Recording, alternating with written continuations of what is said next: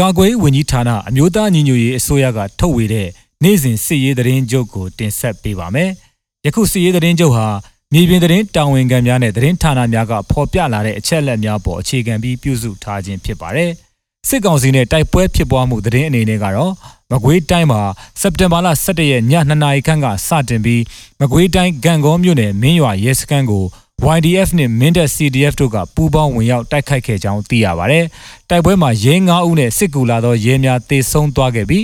YDF နဲ့မင်းတပ် CDF ဘက်က3ဦးထိခိုက်ဒဏ်ရာရရှိခဲ့ကဒဏ်ရာအခြေအနေမစိုးရိမ်ရကြောင်းသိရပါတယ်။မန္တလေးတိုင်းမှာတော့စက်တင်ဘာလ23ရက်မနက်10:15မိနစ်အချိန်မှာ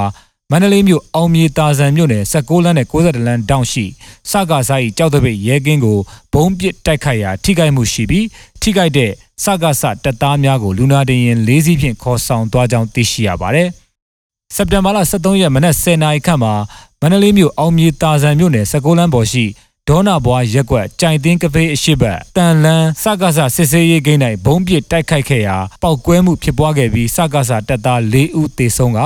ထိခိုက်ဒဏ်ရာရသူများပြားကြောင်းသတင်းရရှိပါရယ်စက်တင်ဘာလ23ရက်မနက်9:50မိနစ်အချိန်မှာမန္တလေးမြို့အောင်မြေတာဆန်မြို့နယ်ရှိအမှတ်၁ရဲစခန်းသို့ဆိုင်ကယ်ဖြင့်လာရောက်ပြီးဘုံပစ်တိုက်ခိုက်ခဲ့ရာရဲစခန်းအတွင်းသို့လူနာတင်ရင်တစည်းဝင်သွားကြောင်းသိရသဖြင့်ထိခိုက်မှုရှိသည်ဟုယူဆရကြောင်းသိရပါဗျ။စက်တင်ဘာလ23ရက်ညနေ4:45မိနစ်အချိန်ခန့်မှာ မြင်းကြံမြို့နယ်ယုံတိုးထိန်ပန်းလမ်းမပေါ်အကြမ်းဖက်စစ်ကောင်စီတပ်10ဦးမှဆိုင်ကယ်5စီးဖြင့်ကင်းလှည့်နေစဉ်မိုင်းဆွဲတိုက်ခိုက်ခံရကြောင်းသိရပါဗျ။ရင်းမိုင်းဆွဲတိုက်ခိုက်မှုကြောင့်အကြမ်းဖက်စစ်ကောင်စီတပ်ဖက်ကဆိုင်ကယ်3စီးထိပြီးတပ်သား6ဦးသေဆုံးကြောင်းလည်းသိရပါဗျ။ စကိုင်းတိုင်းမှာတော့စက်တင်ဘာလ12ရက်ညနေ6နာရီခန့်ကစကိုင်းတိုင်းဟုံးမလင်းမြို့နယ်နမ်တော်ကျေးရွာရှိနမ်တော်ရဲစခန်းဘုံခွဲတိုက်ခိုက်ခံရကြောင်းသိရပါဗျ။စခန်းအတွင်းမှာရှိတဲ့စစ်ကောင်စီတပ်သားများကလည်းပြန်လည်ပစ်ခတ်ခဲ့ကြောင်းသိရပါဗျ။စစ်ရေးပြစ်မှုမတရားဖမ်းဆီးတပ်ဖြတ်မိရှို့တာတွေနဲ့ပတ်သက်ပြီးတော့စကိုင်းတိုင်းမှာစက်တင်ဘာလ12ရက်နေ့ညနေ6နာရီအချိန်မှာစကားစတပ်များကစကိုင်းမြို့နယ်တပြူးရွာမှာရွာသားကိုတန်းစောကိုမျိုးထွန်းတို့ရဲ့နေအိမ်တွေကို အိမ်နှင်းပစ္စည်းများဖျက်ဆီးပြီးကြောက်စိမ့်ပတိနဲ့အဝတ်အထည်များယူဆောင်သွားကြောင်းသိရပါတယ်။စင်မြေရွာမှတက်ကြွလှုပ်ရှားသူမတ်မော်အိမ်ဈေးဆိုင်နဲ့ကိုအောင်တိုက်အိမ်မှာပိုက်ဆံ9သိန်းကိုလည်းယူဆောင်သွားကြောင်းသိရပါတယ်။စက်တင်ဘာလ12ရက်နေ့ည9:45မိနစ်အချိန်မှာ